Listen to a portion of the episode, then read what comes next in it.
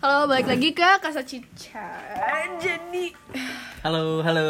oke ada juri kompetisi yang sudah Nganggur, yang nganggur banget. Dikit. yang udah expired. Yang kompetisinya, kompetisinya berubah sekarang. Kacau sekali kayak Indomie. Kayak Call of Duty deh, expired 3 minggu. Apa ya? Jadi em, sebenarnya nggak tahu juga sih mau ngomongin apa, tapi gabut gitu. Di sini ada total lima orang. Terus ada intinya yang Tebak siapa lagi? ah yang kemarin itu yang nebak orang dalam di sini juga. Iya, tunggu orang luar. Iya, tunggu ada yang mendebak orang luar. Kita mah nunggu orang luar aja. Gak usah nunggu orang dalam. Orang dalam biarin aja sudah. Jadi nanti kalau nggak ada orang luarnya, Iya orang sudah. dalam pura-pura dikasih. Gimik aja berarti ya. Padahal Bukannya bentar lagi orang dalamnya bakal jadi orang luar. udah gak sih? Udah gak sih? Udah kayaknya. Siapa tuh siapa tuh? Eh, Semuanya. Semuanya. semuanya mas kita aku aja udah orang luar nih Semuanya. Aku aja udah orang luar ini. Ya mana apalagi aku.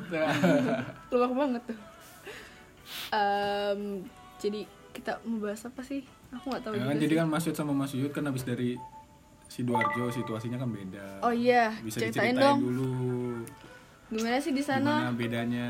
Di sana rame. Rame parah. yuk yuk gitu Da- dari segi dari segi apa nih yang yang enak dilihatnya? Maksudnya rame gimana? Ramenya itu nggak sekedar orang duduk menuhin kapasitas seatingnya ya. Kalau itu kan udah biasa. Paling cuma pesen satu kali menu udah duduk apa dia menuhin tempat duduk lah itu udah dianggap ramai itu biasa. Tapi ini tuh customer datang dan pergi ada terus pesenannya itu dan nggak apa ya sampai baristanya itu nggak nganggur itu tuh luar biasa menurutku tuh ramenya tuh udah rame parah dan itu yang bikin aku penasaran di sidoarjo ya gimana ya? Tapi masih belum ketemu sih kenapa gitu? Karena cuma sekali ke sana. Berarti kesan lagi mas. Kapan? kok bisa seram itu itu rame minuman doang atau makanan juga? Makanan juga. Makanan juga? Hmm, makanan juga aku lihat. Rokoknya juga. sama juga nggak tuh? Sampah aduh. Aduh gimana ya? Temu kayaknya dari orang-orang emang masyarakat situ mungkin ya. Mm-mm. tapi itu katanya a- area baru gitu ya ya jadi ceritanya salah satu abang-abangan di sana abang-abangan itu adalah awalnya itu lahan kosong terus eh, dibangunlah Transmart di situ kan nah setelah dibangun Transmart itu akhirnya ada tuh yang buka itu kalau nggak salah ya si apa ya lampu merah apa ya Iya lampu merah. lampu kayaknya. merah dulu Pindah ke situ kan dia. Awalnya kan dulu di Pokoknya tempatnya lebih kecil terus habis itu pindah kan ke situ. Ya, nanti kalau ada yang salah langsung Iya bisa. Ya, langsung sikat aja. sikat aja nggak apa-apa. Jadi setangkap gue tuh pokoknya gara-gara tuh Transmart tiba-tiba mendadak jadi potensial untuk coffee shop. Nggak tahu kenapa coffee shop ya mungkin karena ada si lampu merah itu. Terus banyak lahan besar dan sewanya murah. Udah itu sih yang gue tangkap Oh murah. iya Wah. dengar-dengar sih 50 juta setahun Wow. area perumahan Oh, makanya itu yang jadi kayak komplek coffee shop gitu ya ya bener sebenarnya pe- kayak perumahan tapi peruntukannya itu adalah coffee shop Jadi kayak mereka anak-anak Sidoarjo yang mau nongkrong ya udah langsung ke situ aja tinggal pilih Nah. mau ke mana gitu aja. iya emang bener-bener sedekat Tapi itu Padahal itu sepi banget loh dulu. Aku sering buang tai kucingku dulu di daerah situ. Enggak, tapi maksudnya itu apa? Emang emangnya nggak beda sama Serius mas? itu kali yang bikin hoki apa Berarti itu? tai kucingnya tapi, bikin oke. tapi emang, transport tuh aku emang nggak beda kucing sama yang di Dharma Husada kayak kan di Dharma Husada juga pernah happening juga kayak gitu kan oh iya emang iya Maksudnya Wangsa ya- kali. Eh iya, sorry Dharma Wangsa. Sorry sorry. sorry sorry. Bukan bukan orang sini kan. Nggak apa. Ya, paling nanti ya Dharma. pindah juga abis dari Mawangsa dari Mawangsa juga Iya kan bisa bisa gitu ya. Jadi diratain semua aja ya. Dipukul rata semua gitu. Tapi aja. ya maksudnya emang emang nggak happening kayak gitu apa?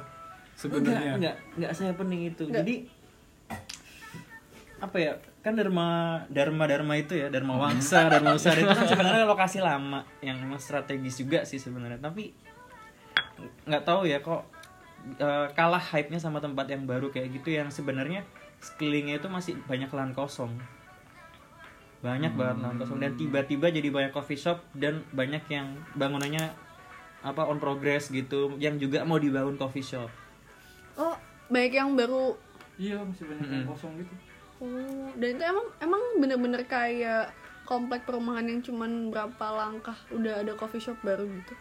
Iya itu perumahan kan maksudnya Hmm. yang dari feel gelap eh feel gelap tau nggak ya? yang pokoknya Transmart sidoarjo belok kiri Hmm, itu Iya. ya itu de- deket banget berarti Tapi berarti itu kayak happeningnya kayak di Malang ya? Berarti daerah-daerah jalan-jalan ikan-ikanan itu terus dibuat satu komplek besar. Nah, itu menurut pengakuan si abang-abangan hampir mirip kayak di daerah Sidomoro apa iya iya Sidomoro Malang udah sama kayak itu Berarti kalau selain dari kontribusi si pelakunya, pelaku usahanya, berarti juga ada kiatnya dari pemerintah dong.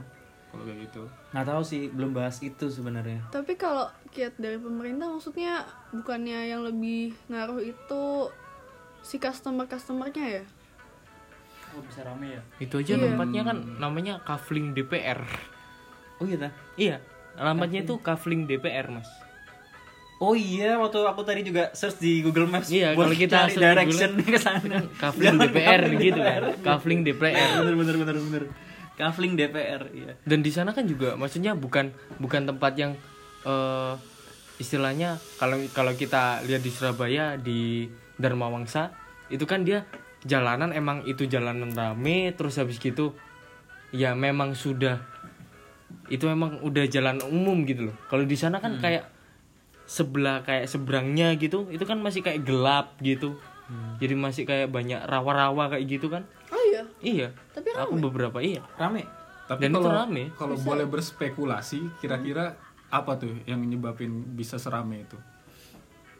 awalnya dulu berspekulasi karena harganya murah Hmm. harga murah terus eh, konsumennya anak muda wajar mungkin rame terus tapi setelah dicek ya ternyata ya sebenarnya sih nggak murah murah banget sih nggak murah banget. Standar sih kalau aku bilang standar tapi ya di bawahnya dikit lah. Tapi yang bikin rame itu yang aku masih penasaran sejujurnya kenapa? Aku sempat nanya juga kan terus jawabannya ya karena itu tadi hobi nongkrong itu. Budaya budaya, Budaya nongkrong. tapi sebenarnya nongkrong pun juga di Surabaya sama aja juga pengen budaya nongkrong nah terus yang aku simpulkan sementara itu berarti keinginan untuk nongkrong di coffee shop itu jauh lebih besar untuk anak-anak muda sidoarjo daripada Surabaya. Hmm. mungkin preferensi nongkrongan tongkrong mereka itu di mana gitu. Itu aja sih yang bedain. Mungkin jangan kalau di daerah situ penuh kota sidoarjo itu sepi mas.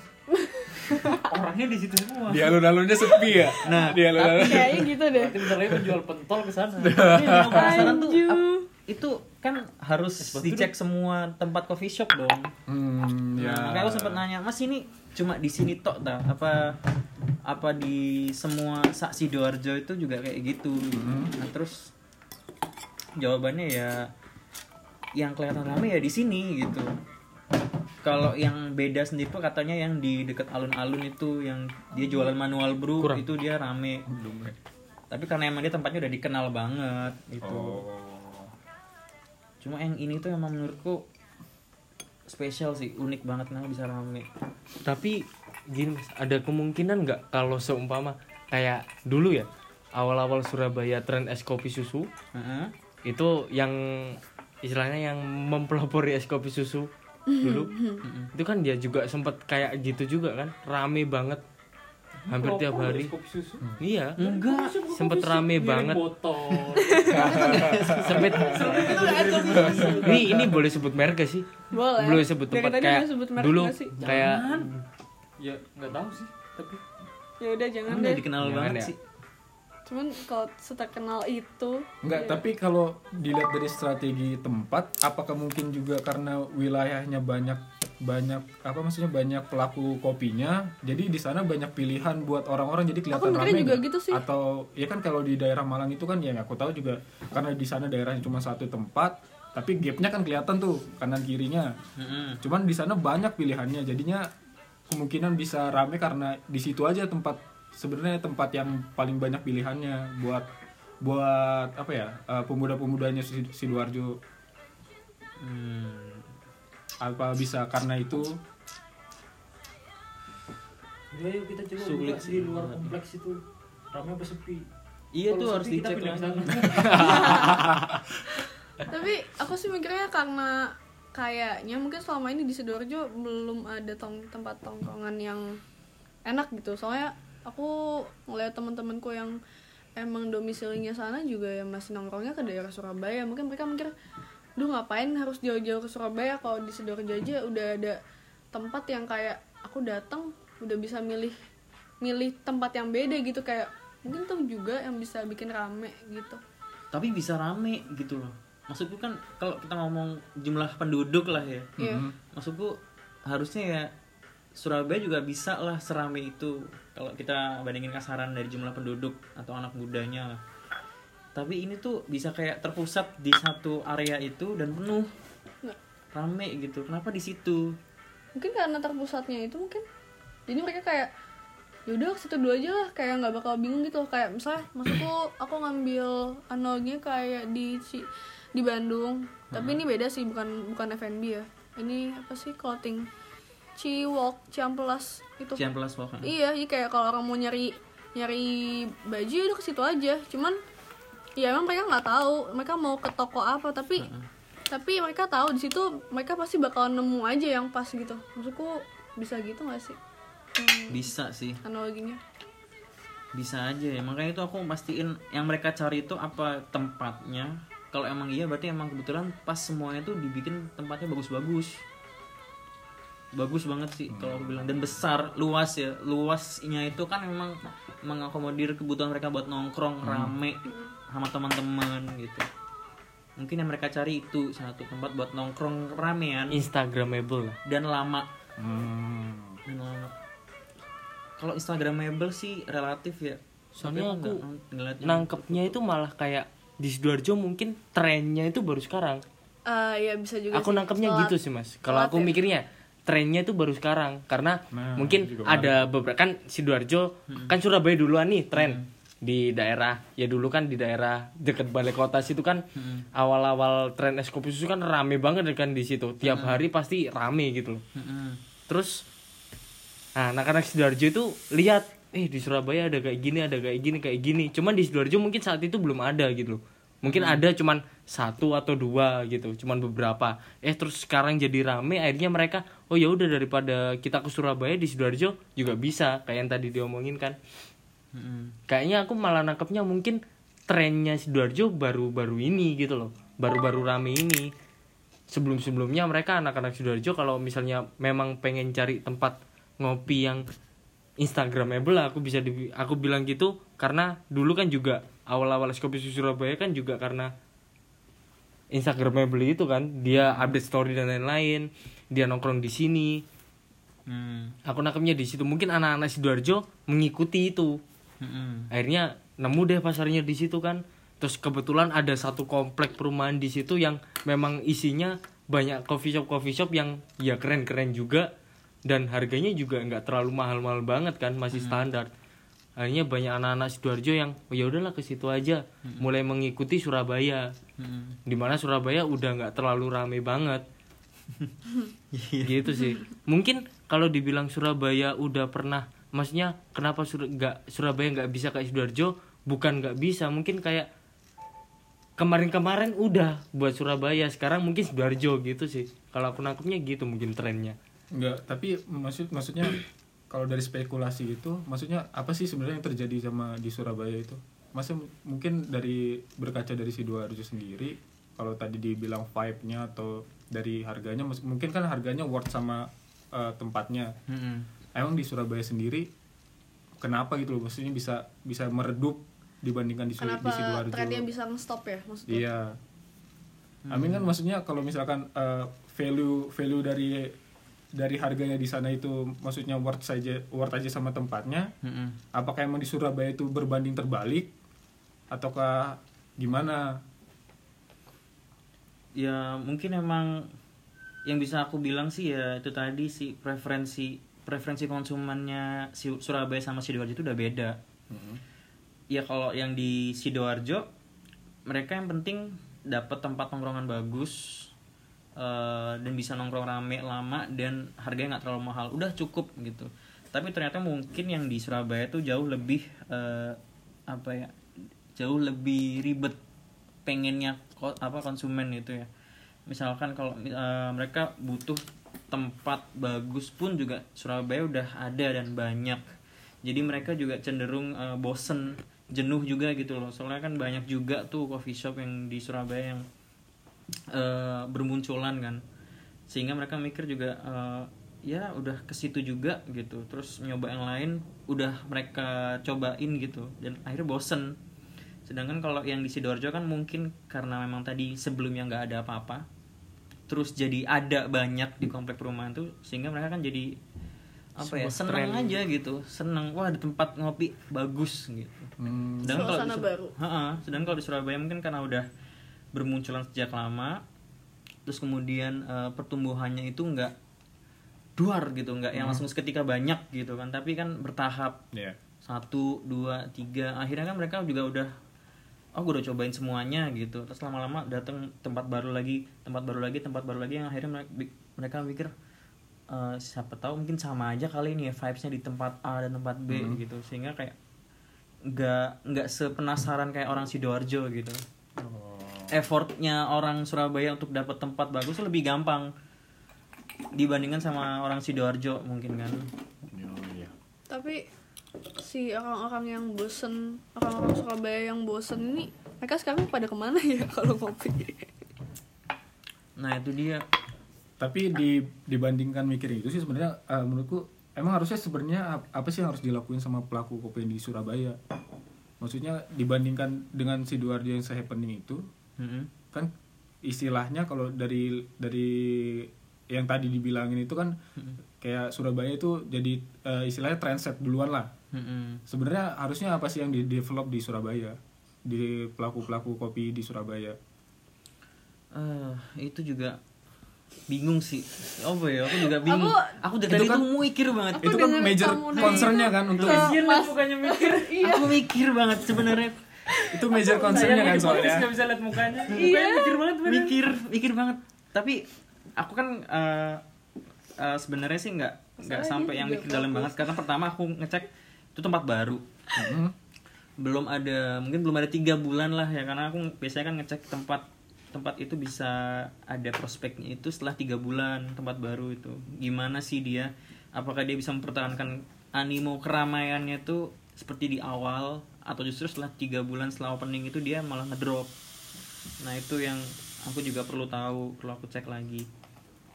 Gitu tapi itu Baru bukannya doang yang sih. happening di semua semua tempat di Indonesia maksudnya ketika di sana eh, booming tempat ngopi Heeh. bukannya itu yang terjadi ya di semua lini di Indonesia dia bakalan di awal itu emang peak peaknya terus nggak lah mungkin nggak lama ber- ya tiga bulan terus mereka menyortir menyortir lama-lama cuma ada pelanggan tetapnya aja yang biasa ke sana Heeh. bukannya happening yang kayak gitu ya Nah itu yang biasanya aku aku percaya tuh yang kayak gitu gitu justru kayak udah stabilnya itu setelah tiga bulan. Nah, ini kan masih kayak masih baru banget lah, oh masih baru kan. Jadi kelihatannya oh ya wajar lah rame gitu.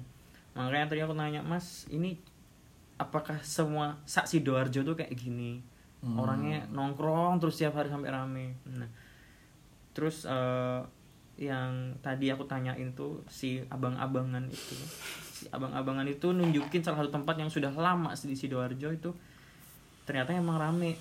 Tetapi memang karena di top of mindnya konsumen itu dia cuma tahu tempat itu untuk ngopi Oke. misalkan filter.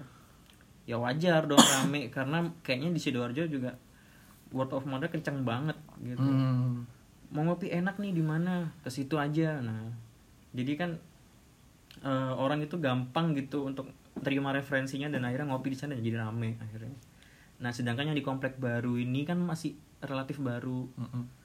apakah nanti orang-orang kayak gitu juga kalau mau cari tempat tongkrongan yang eh, bagus apakah dire direkomendasiin ke situ gitu nanti beberapa bulan lagi misalkan kan harus dilihat lagi Berarti nggak selalu the price worth for them dong berarti. menurutku enggak sih enggak sih ha. kalau aku sih kalau aku percaya sekarang customer juga makin pinter sih jadi nggak sekedar harga juga gitu Oh. mereka nyari apa gitu yang bikin rame apa sih price product Apa lagi ya? place promotion place Place promotion promotion. sama people ya bukan atau aku lupa empat sih cuma empat itu tuh empat p empat sama place Masih tambah tambahin. apa lima apa enam enam? p Mas Jod lah mungkin tadi juga ngelihat datang lebih di Iya, awal gitu. daripada aku Gila, ya aku heran gila. sih. Buka tuh gara-gara hari ini Idul Adha terus dia bukanya jam 4. Di sana jam 5.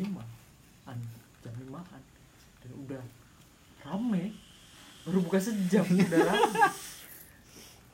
Kan sebagai pengusaha juga tuh aku heran nih. Ini kan nggak pernah buka jam 8 pagi jam 9 udah full gitu kapasitas tempat duduk gitu.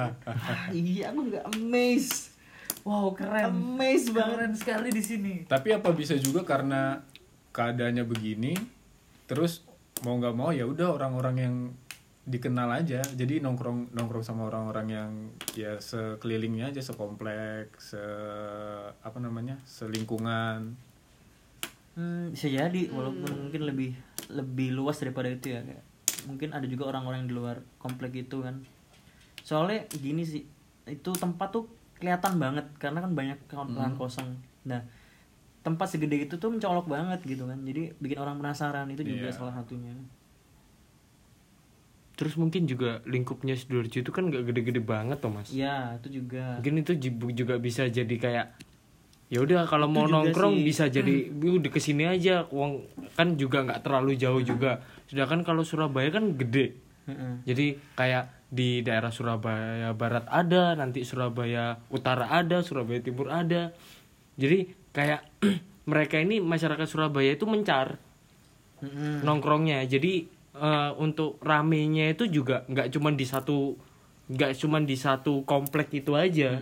Ramenya itu bisa nyebar gitu loh sesuai dengan ya mayoritas mereka rata-rata domisilinya di mana? Daerah Surabaya Mara mana? Kan kalau sidoarjo kan lingkupnya nggak terlalu gede tuh kalau sidoarjo kota ya. Itu kan lingkupnya kota nggak terlalu gede. Udah kota, kota nggak sih? Udah maksudnya kota, itu berarti Kan ada mallnya. Kira kayak masih oh deket banget sama iya. perbatasan. Saya lingkupnya perbatasan lingkupnya Sidoarjo kota ya cuman segitu kan. Jadi kalau ketika ada satu yang ada satu komplek di situ ya udah semua anak muda di Sidoarjo kota ya mereka pasti ke daerah situ semua gitu loh. Kok terus kayak sempet kepikiran aku kalau Surabaya kan banyak kita ada di daerah dia Dharma Dharma Wangsa itu. Terus habis gitu ada di daerah Manyar daerah Ngagel. Daerah Ngagel itu kan juga berderet ada beberapa kafe itu kan juga. Tapi ngerasa gak sih kalau Beratang situ. konsep hmm, apa ya dari ya konsep sih konsep produk sama konsep tempatnya coffee shop di Surabaya itu kok kayak kurang lebih sama gitu. Misalnya kalau aku sih ngerasanya itu sih. Terus aku bisa bilang gitu soalnya dari yang kemarin ada tempat baru yang buka yang tempatnya tuh jauh cuman dia emang konsepnya beda banget. Ya Oh, iya, meskipun embel-embel nama sebelumnya Mm-mm. nama nama coffee shop awalnya tapi kayak orang-orang tuh excited banget karena karena emang konsepnya dia kayak beda banget dari segi desain sama produknya beberapa juga beda dan ya aku mikirnya mungkin orang Surabaya butuh sesuatu yang beda gitu. Jadi nggak masalah soal harga sebenarnya juga. Ya mungkin tempat. Yang paling orang ngeliat awal kan tempat nggak sih? Kalau iya. kalau pertama mungkin IG sekarang ya buat Mhm. brandingnya. Kedua tempat aslinya baru mereka bisa lihat produk sama hospitality-nya. Gitu gak sih? Tempat sih kalau aku bilang tempat. Nah itu tadi mungkin emang keinginan keinginan nongkrongnya untuk orang Surabaya dan Sidoarjo itu memang ada tapi levelnya itu intensitasnya itu beda memang. Iya Sidoarjo mungkin emang orangnya doyan doyan banget nongkrong. Kalau Surabaya mungkin doyan aja nongkrong misalkan gitu ya ini salahnya jadi ya kelihatan oh, gitu. bukan doyan banget sama doyan aja gitu Eh, tapi ini juga bukan mendiskreditkan maksudnya Sidoarjo baru happening atau apa. Iya, tapi itu kan itu sesuatu yang bagus kan buat di Sidoarjo Iya. buat usaha-usaha kopi bagus di sih. Sana sampai bikin aku mikir gitu Soal- kan. iya soalnya Bikin mikir. Soalnya, mau ke sidoarjo eh, apa enggak nih? jadi jadi buat di Surabaya tuh eh, ya sadar aja kok bisa di sini bisa se happening ini di di Surabaya kok udah nggak se happening ini bagaimana kita ningkatin animonya? Itu kan maksudnya Iya. kita maksudnya sama-sama belajar ngelihat dari Iya, sana. betul, Ah, sama-sama belajar. bukan Gitu. sama-sama diskredit. Ya begitulah. Ya sesuatu yang beda sih lebih tepatnya. Ya nggak sih? Ya bener sih. Mungkin bisa di eh, maksudnya dikasih masukan juga. Kira-kira apa sih pendapatnya? Kira-kira eh, kenapa bisa di sidoarjo itu bisa se, eh, se happening itu? Kayak di Malang juga bisa se happening itu gimana iya tuh Malang juga katanya Iya. sampai katanya Sam- tuh ada lahan parkir lahan parkir satu coffee shop gitu ya lahan parkir sendiri aku pernah ngeliat Oh, iya? lahan Iya, parkir iya. itu dibuat jualan kopi susu jadi meja gitu Iya, iya. jadi meja Oh, iya? Ha-ha. kayak eh, Yamaha itu ground itu apa sih namanya yang ada Yamaha kombi Fairground. tiam iya ya maaf Fred. oh itu Iya, yang kayak di gitu. yang kayak itu ya ya lapangan itu oh Eh, maksudnya kalau di Malang kan ngelihatnya kayak lebih plural juga kan. Kalau dari orang-orang mahasiswanya kan pas kalau ada di sana pas rame kan di sana plural banget tuh. Dari dari orang sejawa ada dari Jakarta Jawa Barat kan Jawa Iya. Tengah. Iya. maksudnya kalau di, di sana faktornya lebih banyak lagi dibandingkan kan kalau melihat tadi, tadi di sidoarjo. Itu kan lebih case nya kan lebih kayak ini orang sidoarjo. Ha-ha. iya kan? Dibandingkan di dibandingkan dengan di Surabaya gitu. Terus juga aku ngeliat dari eh, orang yang datang gitu loh. Orang-orang yang datang itu ya bukan kayak tipikal orang yang datang dengan so- i- kayak penampilan ya dari segi penampilan tuh orang yang datang dengan pakaian yang serba ada gitu yang kayak orang pengen nongkrong di warkop misalkan. Tapi ini bener-bener yang kayak anak muda proper. well dressed proper. Uh-huh. itu ya banyak yang nongkrong di situ gitu loh. Itu kan wah sebenarnya juga nggak jauh beda nih eh, demografi customernya gitu orang-orangnya ternyata dari tadi nolak nolak memperhatikan sampai ses- sampai segitunya gitu. Sebenarnya nggak jauh beda tipikal customer yang datang di sidoarjo dan surabaya itu yang anak muda itu nah itu kenapa ya Hmm. atau mungkin yang di Surabaya itu sebenarnya karena adanya eh, perpindahan dari eh, konsumen-konsumen dari sidoarjo sebelumnya jadi sebenarnya kalau di Surabaya itu mungkin juga apa mungkin juga bisa juga konsumennya nggak sebanyak itu yang di sidoarjo. Eh, maksudnya yang di Surabaya itu sebenarnya konsumennya dari sidoarjo. Karena di sidoarjo sebelumnya tadi dibilang iya aku juga mikir. dibilang eh, mungkin nggak belum se happening itu karena ada satu tempat itu. Tapi setelah ada tempat itu makanya di sidoarjo bisa se happening, itu di Iya, bisa Surabaya. jadi. Bisa jadi. itu bisa jadi juga. Mungkin karena masih masa gini juga jadi mereka nyarinya yang deket-deket aja kali ya. Mm-mm, itu juga advantage-nya mereka sih. Soalnya Dekat ini kan rumah. juga eh, nggak cuma sidoarjo aja. Kalau seumpama daerah eh, Gresik Gresik perbatasan gitu Anjay. ada Anjay, beberapa contohnya. mereka ini kayak jadi mereka kalau pengen ngopi itu mereka harus ke Surabaya dulu karena di daerah ru- dekat rumahnya nggak ada gitu loh jadi memang ada kemungkinan juga rata-rata dari customer customer kita di Surabaya yang kemarin-kemarin itu ketika kita rame banget itu rata-rata juga perpindahan ada dari Surab ada Iya, dari Sidoarjo Surabaya ya, ada iya. dari Gresik jadi nggak pure cuman orang Surabaya aja gitu loh. Mm. sebenarnya bagus sih jadi orang lebih gampang banget kan kalau mau ngopi. Ya kalau ngeliatnya sih gitu. Cuma kita jadi buat orang-orang yang pelaku usaha jadi lebih tahu siapa aja sih yang sebenarnya customer kita itu market kita aslinya tuh kayak gimana iya. backgroundnya paling gak ya buat ngembangin marketnya itu yang bingung jadinya. Jadi bisa bisa ada kemungkinan kayak lingkupnya jadi lebih gede lagi gitu loh. Dulu kalau misalnya anak-anak daerah sidoarjo anak-anak muda atau daerah Gresik mereka kalau mau ini kita mau ngopi di coffee shop nih yaudah ayo ke Surabaya. Dulu awalnya kayak gitu. Terus karena sekarang di daerah sidoarjo udah banyak daerah Gresik udah banyak akhirnya ya udahlah ngapain kita ke Surabaya? Di daerah kita sendiri udah ada ya udah ke situ aja. Jadi kayak lingkupnya jadi lebih luas aja. Oh iya make sense sih bisa sih kayak gitu jadi otomatis yang sebelum sebelumnya mereka yang dari dari apa itu dari luar luar kota luar, luar Surabaya yang awalnya mereka kalau mau ngopi selalu ke situ eh ternyata daerahnya sudah ada akhirnya mereka nggak pernah ke Surabaya lagi gitu Iya. itu Kalau bisa ada kemungkinan juga Misalkan ngebayangin strateginya di Surabaya itu eh, kayak di sidoarjo atau di Malang. Apakah bakal sebesar itu Enggak. kemungkinan? Enggak. enggak Aku lihat dari yang es kopi susu aja deh gitu. Enggak juga sebenarnya. Kopi lu cuma sebentar. Mm-mm. Hmm. Enggak sih. Nggak tahu apa ya yang bikin orang mau nongkrong lama-lama tuh. Atau mungkin karena Surabaya itu orang-orangnya lebih banyak kepentingan jadi tidak invest banyak waktu buat nongkrong gitu. Bisa nggak sih? Min yang invest Terus yang waktu sempat aku tanya tadi lupa nanya itu komplek tadi itu sekitarnya itu ada area apa aja gitu? Apakah ada kampus Mm-mm. gitu atau perkantoran? Kalau perkantoran sih enggak sih kan udah semua. Kampus gitu minimal aku Perumahan penasaran. sih setahu di situ banyaknya. ya Anak- perumahan Oh, kalau kampus anak ada pun sebelah. terdekat itu Muhammadiyah Muhammadiyah ya? Oh Universitas iya. Muhammadiyah itu itu terdekat sih kalau dari Candi itu kan dia Universitas Muhammadiyah itu paling deket sih kalau kampus cuman kayak memang di area situ kan rata-rata ada mall-mall sidoarjo kan memang rata-rata di daerah situ ada Ramayana ada Sun City Itu strategis nggak sih sebenarnya yang kafling DPR tuh? sebenarnya cukup strategis sih mas soalnya di situ itu pertama deket alun-alun juga kan Iya. ah, tadi- alun-alun. ada yang- Dulu itu karena aku dulu juga sempet tinggal di sidoarjo Hmm. di daerah situ. Jadi dulu itu sebelum musimnya eh, coffee shop Hmm. itu rata-rata mereka kayak eh, anak-anak muda itu banyak yang nongkrong-nongkrong di alun-alun. Oke. Terus ada di gor, Mm-mm. di gor sidoarjo. Di ceker lapin. Nah,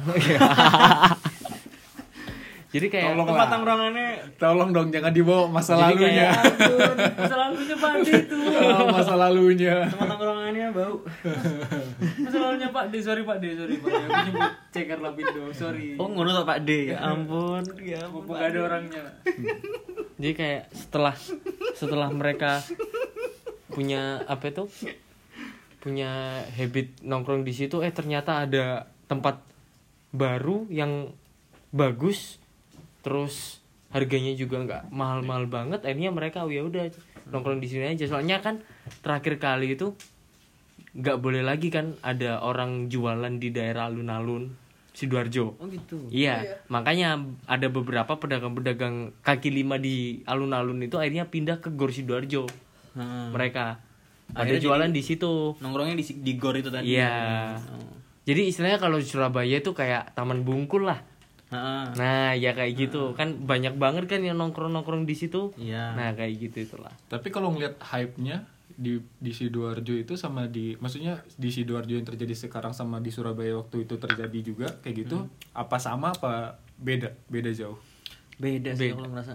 Beda. di sana lebih crowd berarti Nah, crowded banget. Oh, kayaknya di sana lebih dari dari dengar ceritanya sih kayak di sana lebih bener-bener fokus ke nongkrongnya deh, bukan ke produk es kopinya. Nah, itu berarti keseder ketersediaan tempatnya berarti ya? Heeh, itu emang yang bisa aku tangkap tempat yang luas untuk nongkrong rame dan durasi nongkrongnya. Durasi, Durasi. nongkrong sih tapi karena Sama sekarang covid ya jadi kan mungkin Ya. terbatas cuma eh, kalau kita kesampingin yang durasi berarti masih ada space ya space yang itu ya. luas itu itu yang mereka cari soalnya kan juga eh, kalau aku lihat kan nggak ada kayak pembatasan jarak gitu kan physical distancing itu nggak ada Oh iya. duduknya udah Oh, gitu. ya dempet dempet banget aku bilang Oh, se-crowded itu ya? crowded banget parah Apa itu Kowalski? Terus aku juga mikirnya sebenarnya Capek dia mikir. ada kemungkinan kayak orang Surabaya itu ada Hmm. habit kayak nongkrong di warkop sedangkan warkop-warkop di Surabaya ini kan banyak sekali kan yang keren-keren kalau dilihat ada yang Ya, ada. warkop tingkat terus habis gitu bener-bener kayak ya mereka ini warkop-warkop yang udah next level gitu loh warkopnya secara tempat kalau di sidoarjo aku malah lihatnya jarang banget ada warkop yang maksudnya bener-bener bagus jadi kayak ya kalau warkop-warkop giras gitu masih ada di sidoarjo cuman kalau warkop yang gede banget kayak di Surabaya itu jarang Ma- ada lah mungkin satu atau dua Itu tadi Itu mungkin itu bikin- ada warkopnya loh. ada warkopnya Nah, ada warkopnya. rame Rame juga. tapi coffee shop juga rame Warkopnya bapak atau anak muda juga? Enggak tahu Yang mana? Warkopnya Warkopnya. tahu. Seberangan itu. Eh tapi s- di coffee shopnya itu dia makanannya kayak cemilan-cemilan gitu atau ada nasi juga gitu masih Aku bilang ada ya makan berat sih walaupun western gitu ya. ada Ada. Iya, gila. dia ada ratatouille. Enggak susah dong jauh sekali ada city city dong city Ratatouille. ada Ada city city. maksudnya city Siti Kus. sorry yang namanya Siti ini kita bahas tikus kok Ma- makanannya enak tapi. oh iya oh iya Makanannya enak. pizza tadi ya Worth it. gila Bala itu kayak apa ya, di luar ekspektasi lah harga segitu dan seenak itu gitu. Gila. Gila, gila, gila. Gila gila hebat chef. Nyindir chef-chef yang ah nyindir chef yang tidak datang oops sorry kok bisa tapi ya ya kita nunggu aja nggak sih kalau gitu ngelihat dua ya, bulan tiga bulan ke depan sih. eh, di daerah sidoarjo gitu Sambil gimana gitu intel-intel juga kan datang ke sana. nah. Intel Intel yang pelajarin kan di sana kan kayaknya kok worth ya kok worth sama gitu. titir modifikasi berarti. ya. Atau kudu merhatiin tapi di sana juga Kota. pelaku bisnisnya kayak kayak gimana tuh maksudnya dari satu ke satu maksudnya mereka menciptakan emang satu tempat kayak itu atau Hmm. atau eh, ya udah itu emang ada karena karena ya udah di situ emang digunakan buat bisnis usaha atau itu memang dari satu ya udah satu pelaku bisnisnya semua gimana kalau kita manfaatin lahan ini Enggak sih, kayaknya emang karena ikut gitu. Jadi cuma satu dua orang mungkin awalnya kan. Terus Uh, rame di situ. ah, ada yang lihat sih. kan peluang itu akhirnya ikut, ikut situ. soalnya juga aku pernah ke coffee shop di sidoarjo itu dia nggak di daerah situ Mm-mm. ya lumayan jauh lah dari daerah situ dan dia agak masuk ke dalam perumahan dan itu rame juga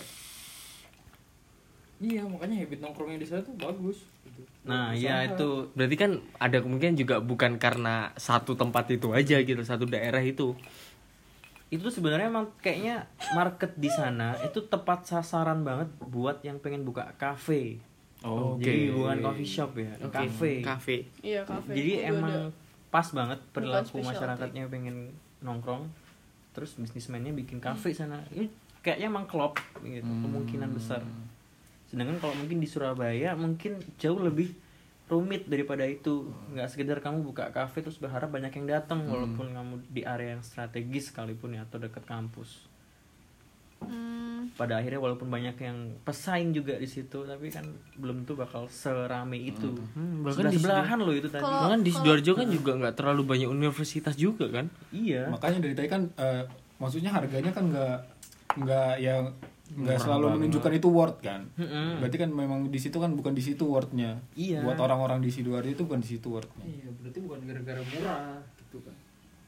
tapi tadi Koyut bilang kalau misalnya di Surabaya eh, nggak seribet itu. Tapi emang Seribet eh, itu. Seribet itu. Emang yang bikin ribet apa sih kayak what konsumen butuh gitu apa yang mereka butuhin gitu loh buat ngopi di Surabaya tuh apa sih? Hmm, Atau Koyut juga masih bingung apa gitu. tetap sih kalau aku bilang mereka juga butuh tempat. Hmm. Tapi eh, gimana ya? Masalahnya tuh tempat pun juga walaupun bagus ya. Aku rasa layout layout pun juga berpengaruh gitu. Layout misalkan kalau untuk customer yang pengen rame kan ya gampang aja kamu bikin layout seating yang banyak gitu. Seating area banyak terus kelar udah kamu pasti banyak yang datang sih tapi kalau misalkan di Surabaya itu ada juga yang butuh sitting area itu yang nyaman bisa buat nugas untuk sendirian gitu Oh, Kayak nyindir gue deh. iya. Hmm. ada yang bisa pengen kayak gitu ada yang dia nggak butuh tempat yang crowded dia tuh pengen butuh ketenangan gitu kan Iya, kayaknya di Surabaya lebih individual gitu ya orangnya. Iya sih. berarti maksudnya perilaku dari konsumennya sendiri kan Mm, Makanya perilakunya bukan tuh di Surabaya beda. tuh lebih butuh modal banyak karena tempat duduknya nggak bisa banyak.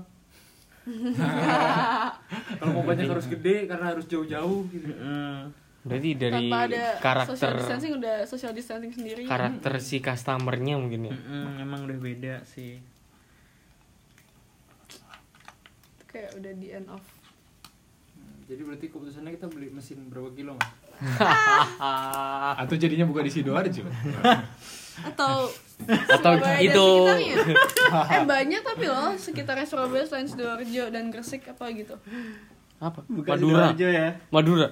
Jangan dong. tapi maksudnya emang dari Madura walaupun di kondisi ke- kayak pandemi-pandemi gini maksudnya di situ kan price pointnya di situ kan. Maksudnya kita masih sebagai pebisnis masih bisa melihat itu masih menjual ternyata. Mm-mm. walaupun keadaannya kayak gini kan. Iya.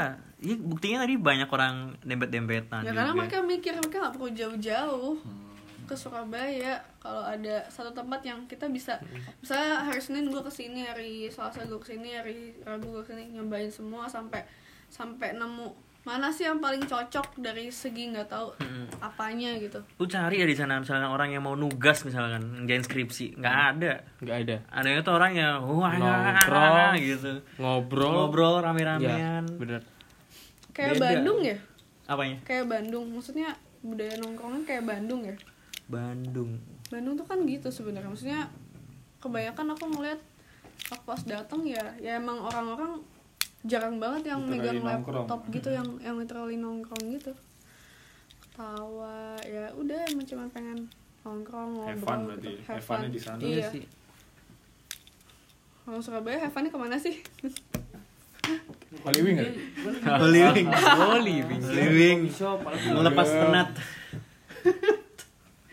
Dugem enggak sih? Coffee shop, oh iya itu bisa di jadi shelter. sih Oh iya, bisa jadi tempat bisa. rame ya jangan di Sidoarjo belum ada shelter gitu ya Hmm, nah itu kalau misalkan Emang tahu shelter? iya. kalau Kan lewat sampai doang, ada shelter Ini salsa namanya. Dia ngomongin shelter barusan. aku Iya, cuma lewat doang Iya kali kalau HW buka di Sidoarjo shelter Pentagon misalnya. terus terus nongkrongnya pindah nggak tuh ke situ semua atau masih di situ coffee shop tadi gitu.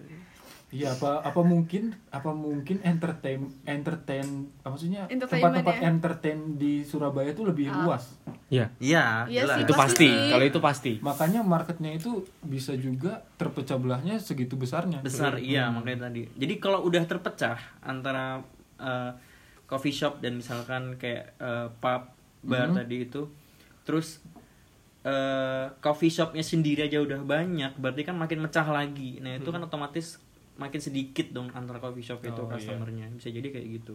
iya sih coffee shop aja maksudnya macam-macam juga jadi mungkin jenisnya. kayak kalau di Surabaya kayak mereka udah sebenarnya mereka kayak udah tahu oh aku kalau mau nongkrong yang aku bisa ngobrol maksudnya ngobrol bebas tanpa harus mikirin kanan kiri itu aku harus ke sini kalau aku mau eh, ngerjain tugas apa itu garap tugas gitu Heeh. tugas kuliah atau bikin skripsi yo harus ke sini Iya. keperluan-keperluan Iya, jadi kayak Ya, apa itu di Surabaya itu lebih udah- banyak. orang aja. Wih, pengalaman banget ya pak. Iya, Tapi kok- Gojek skripsinya. Tapi kok nggak jadi jadi sampai sekarang itu. Jadi, majunya, ya itu kan skripsinya jadi, Jadi. majunya itu loh. udah tuh, tinggal maju dah. Jadinya udah. majunya nggak jadi itu bukannya skripsinya udah jadi ini bungkus gorengan. enggak, enggak, ketumpuk aja nggak tahu di mana. jadi kayak kalau di Surabaya mereka udah udah maksudnya udah ada pasarnya sendiri-sendiri gitu loh. Dan mungkin kalau si Sidoarjo cuman kayak ya udah tempat tempat nongkrong itu ya cuman di situ Situ aja, aja, gitu loh. iya. jadi mereka juga nggak ada pilihan-pilihan lain. Mm-mm. Jadi sejauh ini masih menguntungkan pebisnis coffee shop itu karena iya Iya untuk saat ini mungkin ya. Iya, makanya namanya F&B kan dinamis jadi pasti tetap ada develop lah pasti nanti dari mereka. Gimana cara jaga marketnya. Makanya Iya. pusing gimana biar nggak pusing kan? Ya, Kan makanya- di Surabaya butuh shelter butuh jual anggur yang bisa nganter ya kan? Iya. jual miras yang agak murah buat habis tutup coffee shop beli miras. Mungkin vibe 24 jam gitu kan bisa iya itu masih dicari sih. Masuk sini juga gak masalah. Kuncinya ada di bawah situ masuk aja.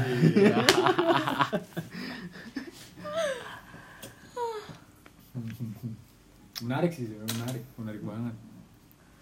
Spekulasinya banyak gitu loh buat ya buat kenapa bisa terjadi kayak gitu kan. Jadi Made ada banyak kemungkinan. Kenapa tuh kalau Bali jauh sekali. beli Jangan mie ditanya lagi. deh. kalau di Bali lebih seru lagi.